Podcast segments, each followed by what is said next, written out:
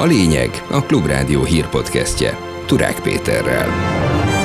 Rezsivédelem, családok támogatása, nyugdíj, valamint az oktatásban és az egészségügyben béremelések. Ezek a kormány legfőbb céljai 2023-ban, mondta Varga Mihály pénzügyminiszter a költségvetés módosításának vitájában. Az ellenzék kritikákat fogalmazott meg. Finnország és Svédország NATO csatlakozásáról is tárgyalt a parlament. Kérem a tisztelt házat, hogy fogadja el a beterjesztett törvényjavaslatot, és támogassa Finnország és Svédország mielőbbi NATO csatlakozását. Nincs vége a tanárok tiltakozásának, hiszen az elmúlt években semmi sem változott, közölte Pilc Olivéra, a Tanítanék Mozgalom társalapítója. Sztrájkot most is hirdet éppen a szakszervezet, ugye a 15 hetére ott egy kétnapos sztrájkot.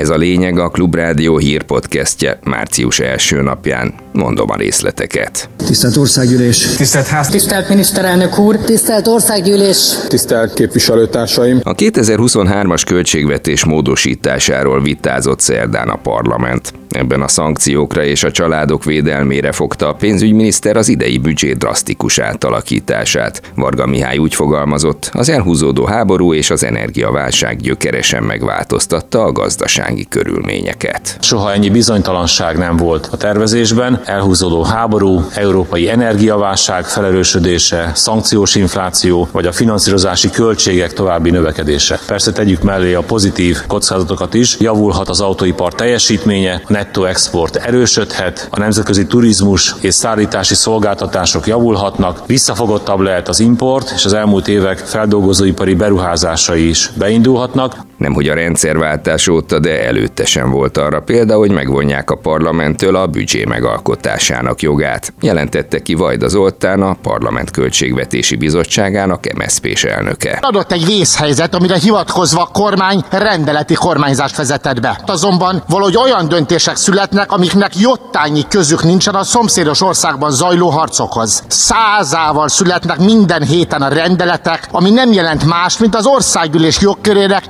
kiüresítését. Benne pedig a legfontosabbnak a költségvetéssel kapcsolatos döntési jognak a megvonásával. Nagy többséggel elfogadta a finn parlament azt a jogszabályt, amely lehetővé teszi az ország csatlakozását a NATO-hoz. Finnország Svédországgal együtt tavaly májusban adta be csatlakozási kérelmét. Ahhoz azonban, hogy a két ország teljes jogú tagja lehessen az Észak-Atlanti Szövetségnek, minden jelenlegi tagállamnak ratifikálnia kell a csatlakozást. Az Unióban egyedül Magyarország nem tette ezt meg, a magyar parlament szerdán kezdte tárgyalni a két ország csatlakozását.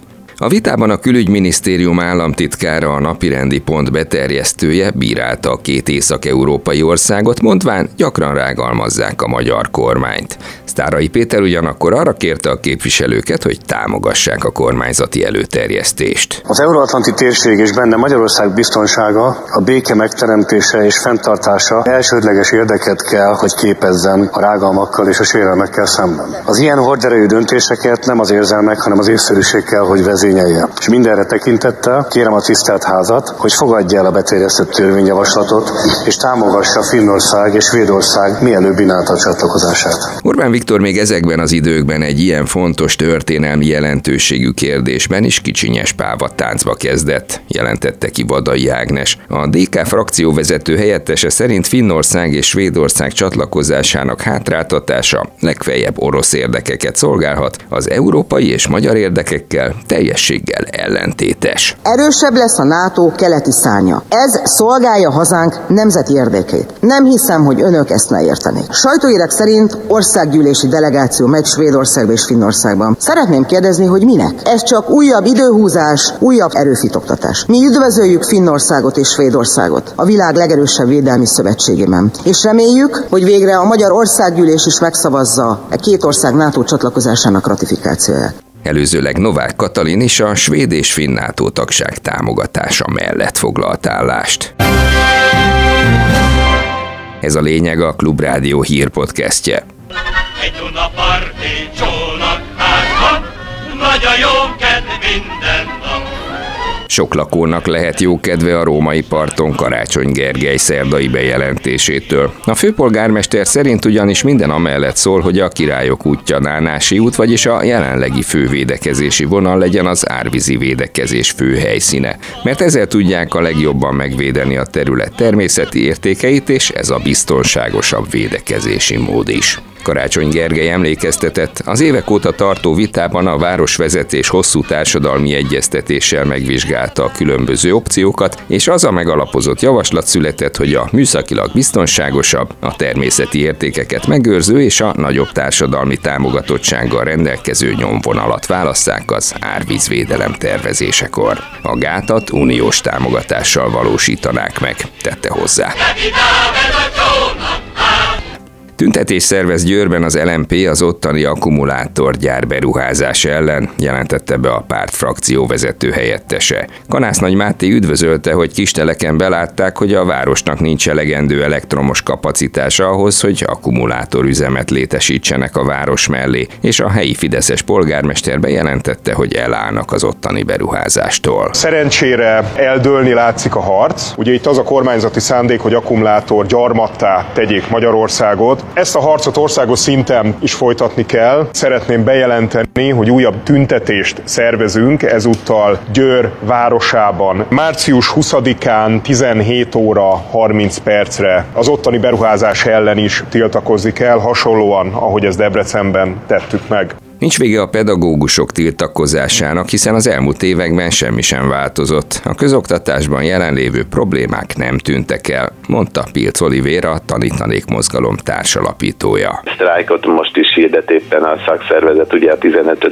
hetére ott egy kétnapos sztrájkot, abban is biztos, hogy sokan részt fognak venni. Én azt láttam, hogy itt a háttérben mindenféle ehhez hasonló, mint az érettséginek a bolykotja, hasonló dolgoknak a megvitatása zajlik, és hát tényleg azokat azokat a formákat keressük, amivel leginkább elégedett lenne a pedagógus társadalmon kívül természetesen a szülők és a diákok is. Tehát ilyen alternatív lehetőségeket keressünk éppen, mert valahogy a nyomásgyakorlást fenn kell tartani, az egészségügyi átalakítás lényegi kérdéseiben nem egyeztetett a kormány a Magyar Orvosi Kamarával, így a szakértők javaslatait nem is vették figyelembe, például az új ügyeleti rendszer kialakításakor sem, nyilatkozta László Imre volt kórházigazgató. Új Buda DK polgármestere szerint a kamara jogköreit többek között az etikai vizsgálatok lefolytatását olyan állami szervekhez irányították, amelyek nem alkalmasak a feladatra, hiszen nem egészségügyi szakemberekből állnak. A belügy belügyminisztérium tájékoztatta az orvos társadalmat, de gyakorlatilag dolgok lényegét érintő egyeztetések az orvosi kamara és az orvos társadalom javaslata nem talált, vagy csak nagyon pici részben talált meghallgatásra. Micsoda dolog az, hogy létrehoznak egy kísérleti modellt Hajdubiharban, majd titkosítják. Engedjék már meg azt, hogy ne a belügyi dolgozók mondják azt, hogy ez kiváló, hanem hozzáértő egészségügyi szakemberek nézik nézzék meg, hogy hogy működik. Ügyésznek nevezte ki Polt Péter a belügyminisztérium korábbi helyettes államtitkárát, Pintér Sándor volt titkárságvezetőjét, aki Völner Pál és Sadl György közbenjárásával soron kívül tehetett végrehajtói szakvizsgát 2021. októberében értesült a Telex. A volt helyettes államtitkár tehát annál az intézménynél kapott állást sikeres pályázást követően, amely egy évvel korábban az ő érdekében is eljáró Sadl és Völner ellenemelt vádat. Március közepéig jelentést kell adnia a tavalyi korrupciós helyzetről az Európai Uniós nyomásra felállított integritás hatóság mellett működő korrupció ellenes munkacsoportnak. Ligeti Miklós a Transparency International Magyarország jogi igazgatója azt mondta, úgy tűnik eddig eredményes a közös munka a csoportban lévő állami kinevezettekkel, azonban még csak most jön az a szakasz, ahol érdekütközések léphetnek fel. Nem akarom ennek a jelentéskészítésnek a folyamatát olyan mértékben a nyilvánosság elé tárni, ami akadályozná a hatékony munkát, és nem akarom megerőlegezni, hogy ki hogyan fog ebben közreműködni, meg szavazni, meg állást foglalni, de tény, hogy mondjuk most kerülünk először olyan helyzetbe a korrupcióval kapcsolatos megállapítások jelentésszerű megszövegezése során, hogy érdekütközések, érdekelletétek kialakuljanak, és hát majd a jelentés kapcsán fog elválni, hogy ezek szétfeszítik-e, vagy összehúzzák a munkacsoportot. Ez továbbra is a lényeg a Klubrádió hírpodcastje.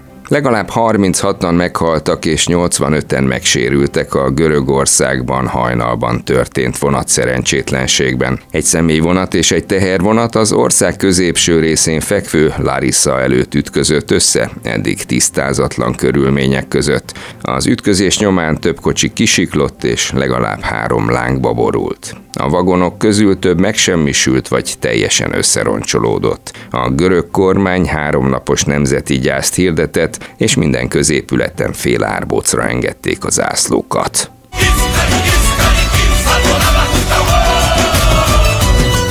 Ősi mumiát talált a rendőrség egy részek perui futár hűtőtáskájában egy régészeti lelőhelyen, számolt be róla a BBC News. A 26 éves férfi bevallotta, hogy a mumiát, akit Juanitának nevezett el, beköltöztette a szobájába. A tévé mellett tartotta egy dobozban és spirituális barátnőjének tekintette. A futár azt állította, hogy a mumia az apjáé volt, de arra nem adott magyarázatot, hogyan került hozzá. A régészek 600-800 évesre becsülték a mumia korát, feltehetően egy férfi maradványa lehetett, és a 151 cm magas ember halála 45 éves kora után következhetett be. A spanyol hódítás előtt a mai Peru területén számos ősi kultúrában mumifikálták a holtakat. A folytatásban sport. Bocsánatot kért egy San Marinoi miniszter macskáját lelövő profi országúti kerékpáros. Az olasz Antonio Tiberi, aki pár éve a juniorok között világbajnok lett, a hírek szerint egy légpuskát próbált ki, amivel a macska fejét vette célba és lőtt. A 21 éves sportolót tette miatt csapata felfüggesztette és 4000 eurós pénzbírsággal is sújtotta. A cica a turizmusért felelős San Marinoi miniszteré volt, aki elmondta, senkit nem zavart az állat, aki hosszú ideje élt a családdal, és a három éves kislánya kedvence volt. Tibéri közleményben kért bocsánatot, leírta, hogy hülyeséget csinált és megbánta a cselekedetet. Hozzátette a bocsánatkérés semmit sem ért tettek nélkül, ezért a 2023-as pénzdiait felajánlotta San Marinoi állatvédőknek, szabad idejében pedig önkénteskedni is fog ilyen szervezeteknél. Végül pedig az időjárásról, pontosabban arról, hogy a tavasz sem a gólya hozza. Az idén a korábbiaknál egy kicsit hamarabb, már február végén megérkeztek az első gólyák Magyarországra. Az első három példányt Déva Ványán észlelték, jelentette a Körös Maros Nemzeti Park. Beszámolójuk szerint február 23-án látták az első három madarat leszállni, és úgy tűnik maradnak is, hiszen azóta is rendszeresen látják őket a környéken. A madarak az idén a korábbinál jóval hamarabb érkeztek, ami feltehetően a február közepi enyhe időjárás változásnak köszönhető. Tavaly március 3-án érkezett meg az első fehér gólya a mezőberénybe, de a többségük még ennél is később március második felében szokott megjönni.